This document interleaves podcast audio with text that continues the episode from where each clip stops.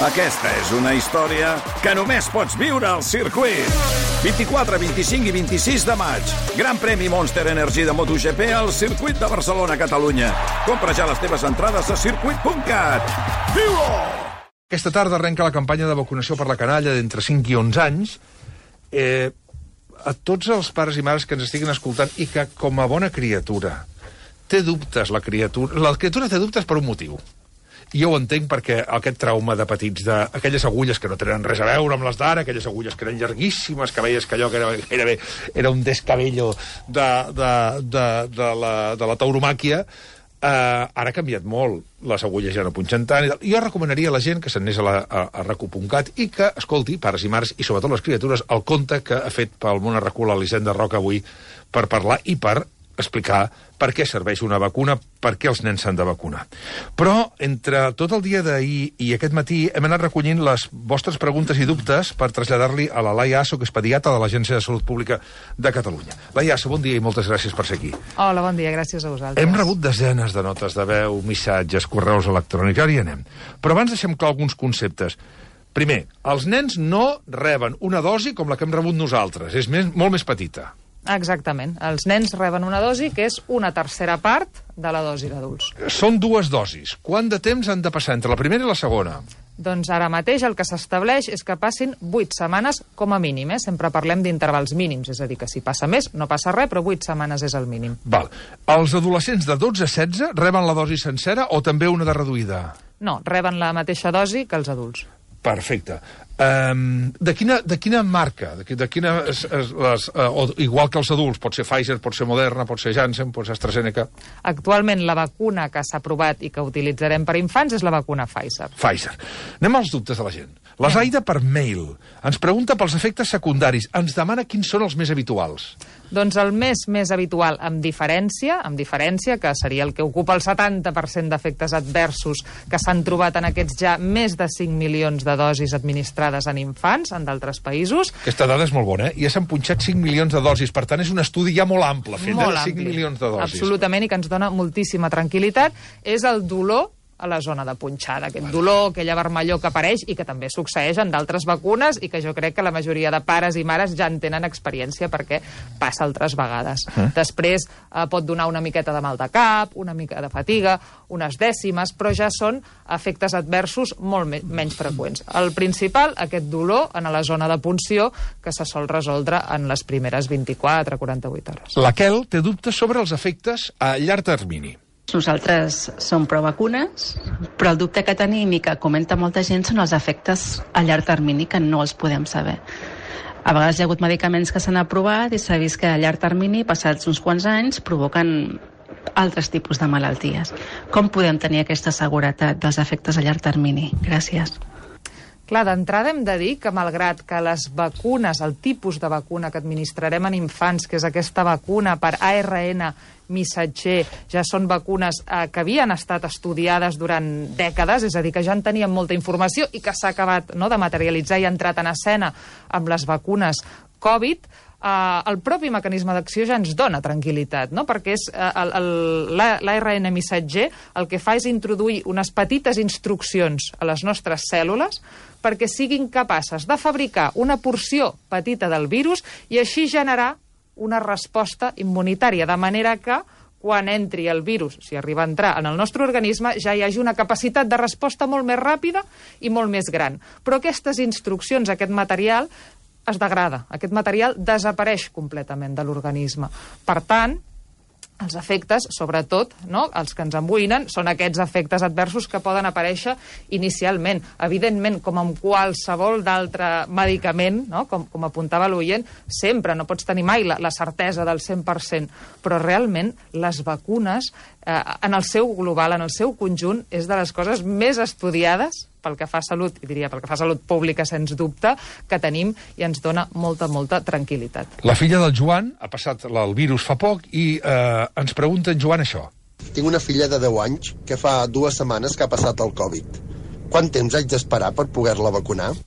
Sí, doncs ha d'esperar un interval de 4 setmanes.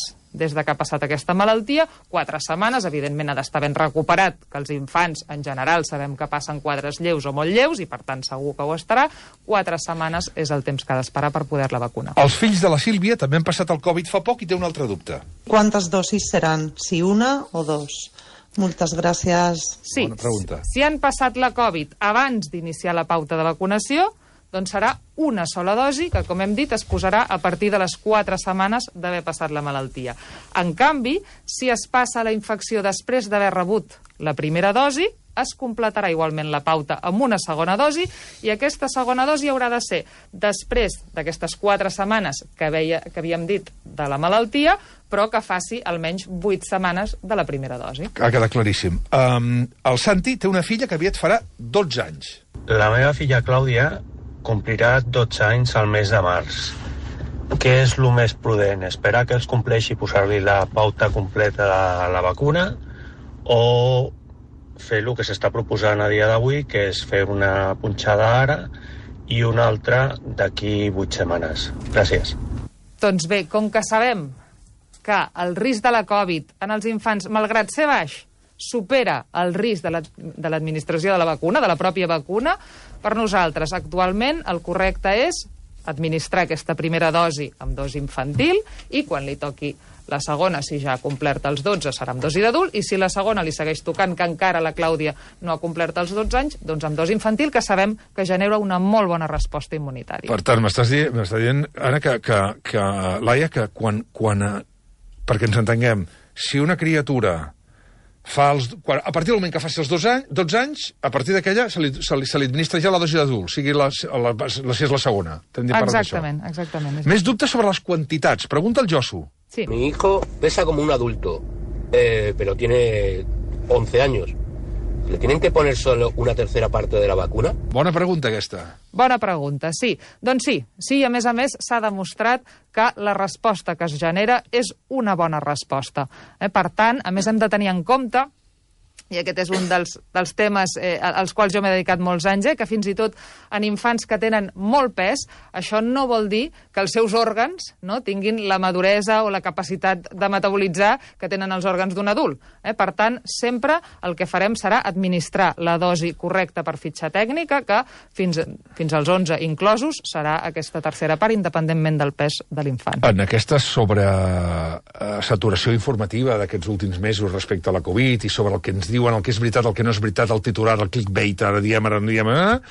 Hi ha algunes coses que són molt recurrents. Un altre dubte molt recurrent, doctora, és que s'han trobat, si s'han trobat més casos de miocarditis per culpa de la vacuna en nens. Doncs avui mateix, no, a les notícies hem pogut sentir sí. a, a diferents mitjans no, nous estudis que se sumen a estudis que ja teníem eh, que ens venien de, des d'Israel i el que sabem a dia d'avui és que la miocarditis és excepcional, és molt, molt poc freqüent en infants. De fet, amb aquells 5 milions que comentàvem d'infants ja vacunats no hem tingut casos greus d'efectes adversos, no se n'ha declarat ni un, per tant això és més que rellevant, però també el que hem vist, i això afecta a totes les franges d'edat, és que el risc de miocarditis és molt més elevat per la pròpia Covid que per la vacuna. Per tant, de nou, quan col·loquem les coses a la balança a l'hora de prendre decisions prudents, penso que la resposta és absolutament clara. Pues L'altre dia el doctor Soriano, pediatre de Vall d'Hebron, ens explicava que és que ni els casos infantils és que pràcticament són inexistents, és que és zero pràcticament. És que...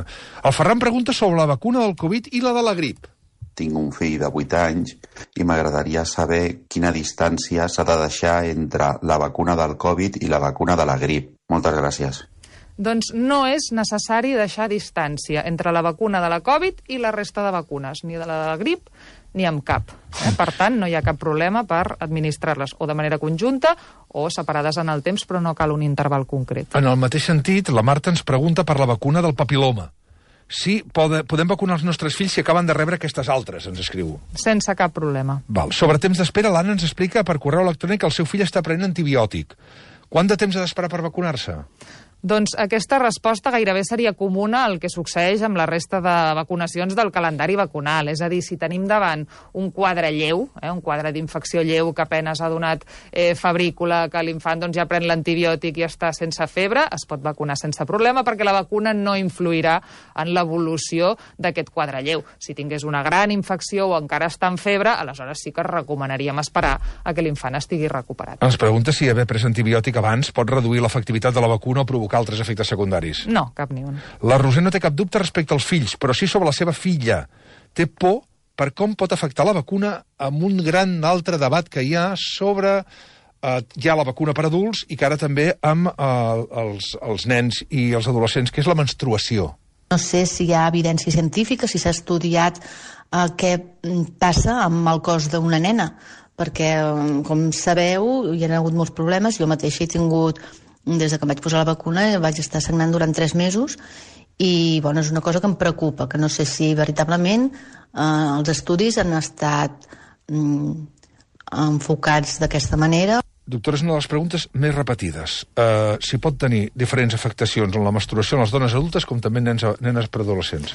Doncs bé, de fet, la, la relació amb la, amb la menstruació de les dones adultes encara no ha pogut ser ben establerta. De fet, s'estan recollint moltíssimes dades i s'està estudiant.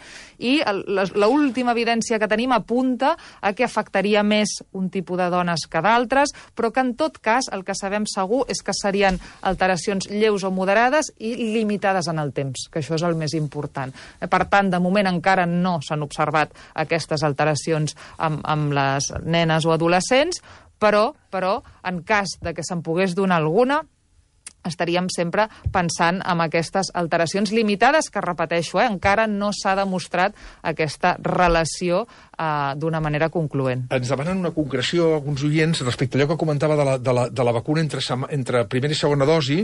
Les quatre setmanes que s'han d'esperar des que s'ha passat la Covid, compten des que dones negatiu o des del positiu inicial? podríem comptar aquestes quatre setmanes des del moment en què dones el, el positiu, quatre setmanes més, que la, el quadre ja està resolt, i a més a més amb els infants eh, encara més, perquè com deien, solen ser quadres que a vegades ni tan sols eh, donen cap símptoma. La típica pregunta que ja trigava en arribar. Sergi. Quantes dosis seran? Si una o dos? Moltes no, perdó, aquesta gràcies. és la... No, quina és aquesta, perdó? Espera, que un segon, un segon, segon, com ho diuen ara. Ah, la Sílvia, la Sílvia, perdó, la Sílvia preguntava això. Quantes dosis seran? Si una o dos, deia, no? Sembla que és la pregunta. Sí, doncs eh, el que dèiem, eh? si és una pauta vacunal en un infant que no ha passat la Covid són sempre dues dosis separades de 8 setmanes.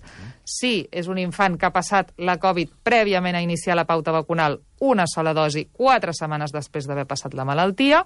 I si passa la malaltia, si agafa la infecció després d'haver rebut la primera dosi de vacuna, es completarà amb una segona dosi, passades 4 setmanes de la malaltia i 8 des de la primera dosi, com a mínim. La Berta fa una pregunta interessant. Tinc una nena de 16 mesos, que evidentment no, no li toca vacunar-se. El que passa que m'agradaria saber si ara que es vacunen els majors de 5 anys, eh, entenem que el virus busca hostes, si llavors encara estaran en més risc que els, les criatures de 0 a 5 anys que no, que no estaran vacunats. Bona.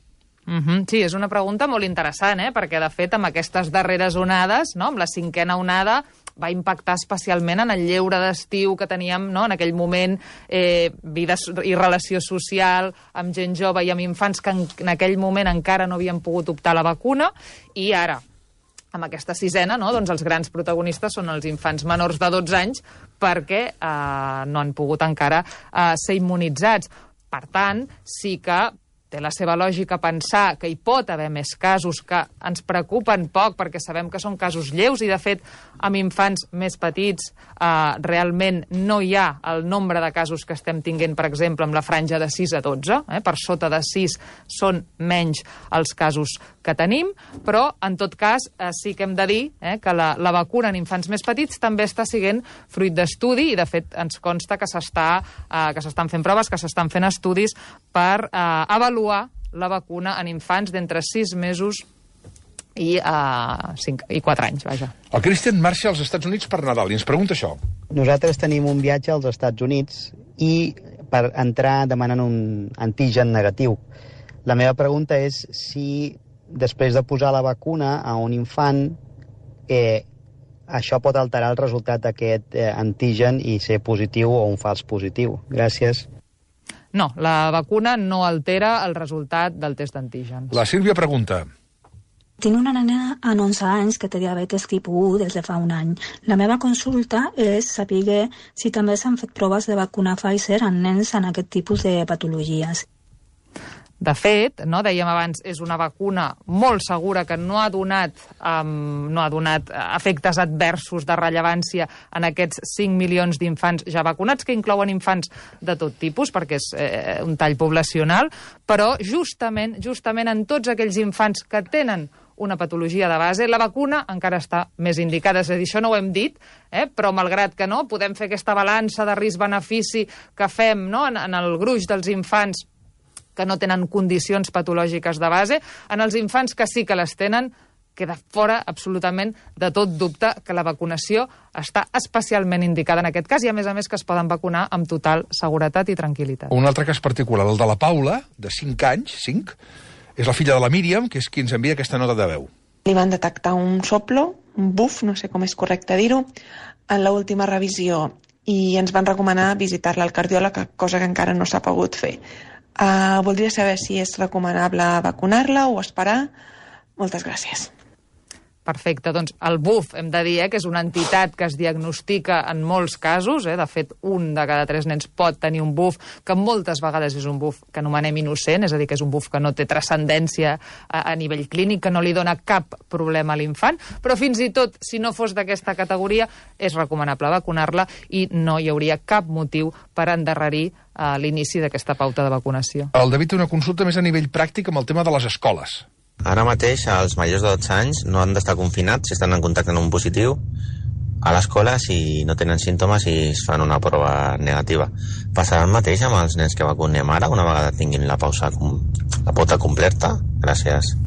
Sí, per descomptat, això passarà a mesura no? que passin aquestes 10 setmanes, perquè els que es vacunin ara, d'aquí 8 setmanes es podran administrar la segona dosi i considerem que la pauta és completa quan han passat dues més d'aquesta darrera dosi. Per tant, a partir d'aquí 10 setmanes tindrem infants immunitzats per la vacunació que no hauran de fer quarantena quan siguin contacte estret d'un cas positiu i hem d'afegir una lletra petita d'un cas positiu de la variant Delta. Si fos un cas positiu de la variant Omicron, en aquests moments sí que s'indica fer quarantena igualment, tot i que hem de dir que de moment els casos que tenim són molt excepcionals i el que tenim majoritàriament en aquests moments són casos de variant Delta. Eh, tens, el, els nens en primera dosi tenen molta protecció o no?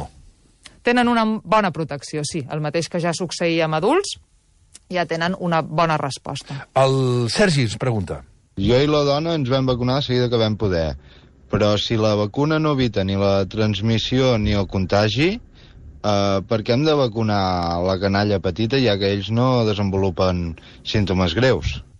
Sí, la, la vacuna realment hem de dir que sí que disminueix la transmissió. Eh? No la pot eh, reduir absolutament a zero, però si ara ens mirem les xifres que estem tenint de contagis, per exemple, als centres educatius, ens adonem que el gruix de casos s'estan produint a l'educació primària, perquè l'educació secundària té unes molt bones xifres de cobertura vacunal.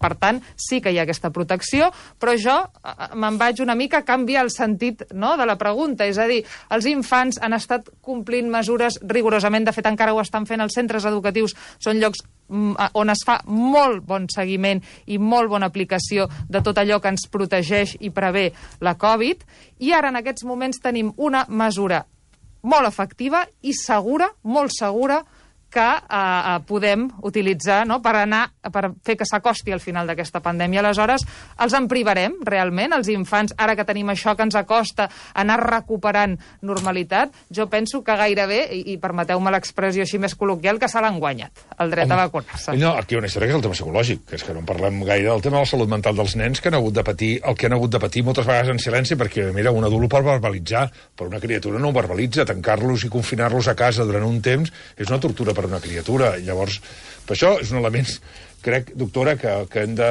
hem de parlar de la salut mental de les criatures moltes vegades que no en som conscients. Absolutament. La salut ara és una de les preocupacions, la dels infants i joves, penso jo que molt especialment, ja sabem que s'estan fent no, i preparant actuacions eh, més enllà i que afecten a tota la població, però penso que eh, hem d'estar molt atents no, en aquests propers mesos i anys de tot allò que eh, envolta la salut mental dels infants i fer tot el que puguem per promoure el seu benestar emocional.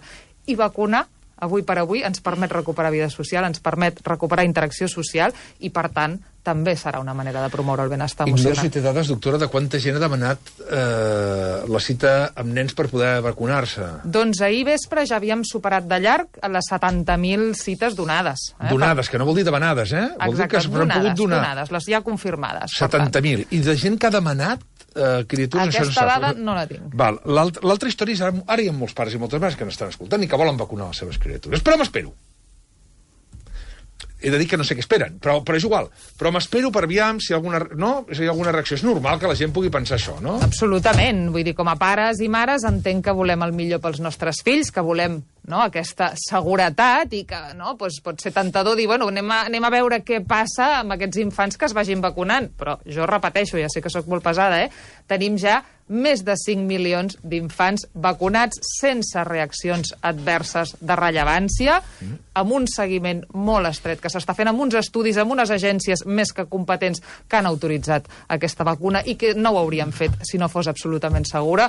Per tant, el meu missatge és que jo crec que podem concedir als infants aquest privilegi de vacunar-nos, perquè al final és un privilegi, sense cap mena de dubte. Um, D'aquí uns moments donaré les dades de la Covid d'aquestes últimes 24 hores, que no són gens bones, ara les donarem, però sobre... I, i vull convertir amb la doctora eh, més enllà de la, del món infantil per passar-ho al món adult, però abans, si hi ha alguna pregunta sobre el món infantil, crec que l'Anna Gómez. Sí, Anna, Anna, des de Lleida, endavant. Hola, bon dia, doctora. L'altre dia el, el doctor Bassat, Quique Bassat, deia al fax que, malgrat els quadres de, de la canalla són molt lleus, hi havia un fenomen que també calia tenir en compte, que és la Covid persistent, que sí que hi ha hagut bastants casos en nens. Ens pots explicar una mica què va això de la Covid persistent amb els nens? Sí, doncs tenim, de fet hem de parlar de dues entitats, eh, d'aquestes que són força excepcionals, però que són de les entitats relacionades amb la Covid que ens amoïnen. Una, com molt bé deies, és la síndrome de la Covid persistent, eh, que és una síndrome que no té a veure, d'entrada hem de dir que no té a veure amb la gravetat del quadre inicial de Covid, però que fa que aparegui una sèrie de simptomatologia que podríem dir que afecta molt la qualitat de vida d'aquests infants durant moltes setmanes, eh? és a dir, hi pot haver sintomatologia eh, més de tipus, per exemple, cefalea o fatiga, però sembla que hi podria haver alteracions de la memòria, de la concentració, és a dir, que els afecta força en el seu dia a dia i amb diferents graus. S'estan fent estudis i, de fet, hi ha unitats especialitzades d'aquest trastorn, de la síndrome de la Covid persistent arreu del territori. I després tenim la síndrome inflamatòria multisistèmica pediàtrica, que també pot anar associada als quadres de Covid, que en vam parlar més a, a- a l'inici de la pandèmia, quan es va començar a descriure, que també és un, un quadre que és força excepcional, però que és present, i per tant són dues d'aquelles entitats que compliquen no, el, el pronòstic de la Covid en els infants i que són un motiu més, malgrat dèiem, eh, són infreqüents, però qualsevol infant que li puguem evitar un quadre d'aquests, doncs penso que ja justifica no, aquesta, aquesta vacunació. Quants, quants anys té el teu fill, Xavi, Domènec? Nou. Nou anys? Nou anys. El vacunaràs? Sí, sí, sí. Sí. Tens una pregunta per Sí, tenia dues preguntes. Eh, una, gairebé és una curiositat, és a dir, les gràfiques que ens estan ensenyant ara de, de creixement de la, del Covid ens indiquen que està creixent molt en la població infantil però, i ens diuen, a més a més se'ns explica així, és a dir, a l'estiu, com que els adolescents no estaven vacunats, el creixement principal es donava en la franja dels adolescents, ara, com que els que no estan vacunats són els infants, el creixement es don en els infants. I a més a més s'explica perquè el Covid busca, però a mi això... És a dir, la pregunta és, aquest creixement entre els infants és relatiu o és en termes absoluts? És relatiu perquè les altres franges de pobl- la població estan baixant i per tant no és que hi hagi un creixement real entre els infants, sinó senzillament que està creixent el volum relatiu en relació als casos totals i perquè si és un creixement en termes absoluts, per, per quin motiu? Perquè això de que el Covid busca, tampoc no, el Covid no és un ésser intel·ligent que diu ara no puc entrar aquí, me'n vaig corrents a una altra banda, o sigui, no, no detecta la gent, i per això em costa entendre aquesta de tal. I l'altre, sobre el tema, ja s'ha preguntat abans, però voldria reiterar la pregunta perquè jo, per exemple, en el meu cas, el meu fill és, és un nen, per- però sí que detecto eh, molta preocupació en el cas de pares i mares amics que els seus fills són nenes. I la pregunta és, és molt senzilla, és, ja, ja s'ha dit, però és veritat que hi ha hagut, el, el meu pare hi ha hagut històricament un viatge, per dir-ho suaument, un viatge de gènere en la investigació dels medicaments, per dir-ho suaument, per no dir una altra cosa, perquè és, jo crec que arriba a ser aberrant aquest viatge de gènere. En aquest cas això no s'ha donat, i després, en aquests 5 milions de persones ja vacunades, entenc que són tant nens com nenes vacunats, no? Efectivament, doncs començo per la, per la primera pregunta. Uh, evidentment, no? com, com molt bé deies, eh? el virus és punyetero, però no li podríem dir que és intel·ligent, però se situa, eh? se situa allà on té camp per córrer, no? que és, uh, es pot transmetre amb més facilitat entre aquelles persones, entre aquells col·lectius no? que no estan immunitzats i que, més, recordem no? que els infants doncs, passen moltes hores en els centres educatius i, per tant, en una franja de població uh, no immunitzada, majoritàriament no immunitzada, perquè també n'hi ha alguns que han passat la malaltia, doncs és fàcil, però hem de dir que és un creixement en termes relatius, és a dir, està augmentant en totes les franges d'edat, i en aquesta més especialment, no? Seria una mica la, la, la traducció. Respecte al tema de, absolutament d'acord, amb el viatge de gènere no només en la investigació, sinó, diria, en l'assistència mèdica. Crec que tenim moltíssima feina per fer en aquest, en aquest sentit, i per això em sembla importantíssim que s'estigui siguent rigorós i que s'estiguin escoltant aquestes veus que ens parlen no?, d'aquesta possible alteració en el cicle menstrual i que s'estigui estudiant en profunditat i en molts casos. Però, per sort, en el tema vacunal, no, no hi ha aquest viatge de gènere, de fet s'han inclòs eh, tants eh, nens com nenes en els estudis i per tant tenim la tranquil·litat, eh, com deia, que aquesta absència d'efectes adversos és eh, la mateixa pels dos col·lectius. Última pregunta, Ramon Rovira, breu, sisplau. Re, molt, molt ràpidament, però no em puc estar de fer un comentari. Sí. Això de la, de la Covid té una cosa bona. Uh -huh. Hem descobert una quantitat de gent eh, del món científic que són molt bons i que s'expliquen extraordinàriament. Sí, anava a dir-ho... que jo és que de veritat que és anava que... a posar el punt i final dient senzillament Ho sento, que eh, Jordi, no tinc cap mena, no, no, no, no, que no tinc cap mena de dubte que és una gran pediatra, una gran doctora, però com a mínim està comunicativament a la mateixa alçada que bona pediatra i bona doctora ha de ser.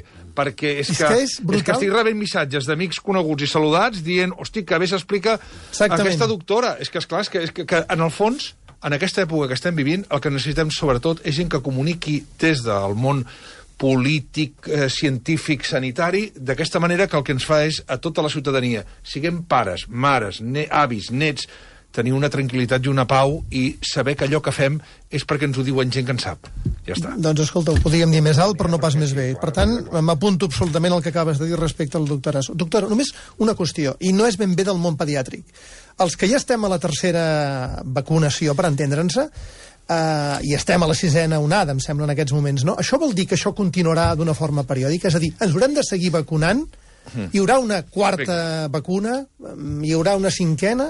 Encara no ho sabem, encara no ho sabem, no? Sí que anem observant que aquesta vacuna perd un cert efecte, no? però com succeeix amb altres vacunacions, seria plausible eh? que s'haguessin d'anar administrant records, potser només en la població de més risc, potser en tota la població. Tot això són coses que ara s'hi treballa intensament per poder arribar a aquesta resposta. De moment sí que aprofito la pregunta eh, per recordar que, malgrat tot el que hem dit de la vacunació en infants, la nostra prioritat en aquests moments és garantir aquesta dosi de record per totes les persones a partir de 60 anys. Aquesta és molt important. És molt important. Ara un amic que està allà vacunant-se, que ha acabat de vacunar, s'ha espantat perquè quan ha vist la cua que hi havia a la Fira de Barcelona, la cua sortia del punt principal, que està al costat de tocar de les Fonts, de Montjuïc, ja arribava i passava a la plaça Espanya. Això és una bona notícia, la fotografia aquesta. És una molt bona notícia perquè hi ha molta gent que es vol vacunar i molta gent que, com diem sempre, ens agrada posar el nostre, braç, la, el nostre braç a la ciència perquè ens puguin punxar la tercera quan sigui. Que sembla que la intenció sembla, no sé si té alguna, alguna idea, doctora, de que els més grans de 50 aviat els hi tocarà. Avui es debat, avui es debat i, i a veure si a veure què, què en surt d'aquest debat. Suposo que tindrem notícies uh, cap a última hora del dia. Però esperem, esperem que aviam, aviam què ens diuen exactament. I uh, alguna pregunta em passa el Sergi Ampudio des de la redacció, alguna altra pregunta més. Concretament ens pregunten, la Montserrat, és una pregunta que està bé, vol saber què passa si una criatura està passant la Covid de manera asimptomàtica, no ho sap i es vacuna. Si passa alguna cosa, també es podria fer amb adults, això, eh? Es podria preguntar, però en criatures. No passaria res, eh? no passaria res perquè, eh, al revés, no? estaríem estimulant una mica més aquest sistema immunitari i, per tant, això no tindria cap mena de conseqüència. El que podria passar és que transmetés no? en el, per allà on passi, no? si utilitza el transport públic per anar a fira o per anar on sigui a vacunar-se, doncs eh, seria aquest eh, l'únic Un risc atribuïble, però no passaria O sigui, no, no pots tenir una sobredosi de... No. Perfecte. Abans d'acomiadar la doctora Laiaso, explicar-vos que aquest divendres farem un exercici, un exercici bastant interessant demà passat i que estic convençut que molts dels que ens esteu escoltant, i fins i tot gent que està per aquí, per aquesta ràdio, segur que ho pot, que, que ho pot parlar. Volem saber si teniu, no dic si tindreu, si teniu ja algun conflicte familiar de cara als àpats de Nadal. Si teniu un tiet, una germana, un cunyat que no es vol vacunar, i vosaltres no us dona la gana compartir taula amb aquella persona, si us fa por juntar-vos tota la família en un espai reduït, bueno, el que sigui. És dir, conflictes que realment puguin trencar les famílies, que diria Jorge Fernández Díaz. Expliqueu-nos-ho. Nota de veu tan breu com sigui possible al 669 10 10 10. 669 10 10 10 o un correu electrònic al món arroba recu.net, al món arroba recu.net i aquest divendres us llegirem i us escoltarem. Repetim, que volem saber si teniu algun conflicte familiar de cara a les festes de Nadal, perquè allò típic, que teniu el, el, la gent gran a casa i hi ha un que diu que no, perquè jo ja... Jo no m'he vacunat, però ja ho he passat, que aquest és un clàssic. Jo, ja ho he, jo com que ja ho he passat, bueno, doncs hi ha reinfeccions, que ho sàpiga tothom. Eh, doctor, ha estat un plaer, de debò. Moltes gràcies i torni quan vulgui per parlar d'aquests temes que em semblen eh, molt interessants per molta gent que té dubtes com a pares i mares, com tenim tots, de si les nostres criatures s'han o no s'han de vacunar. Moltes gràcies, doctora. Un plaer, gràcies a vosaltres. 10 i 17, ara tornem de seguida, al món a RAC1.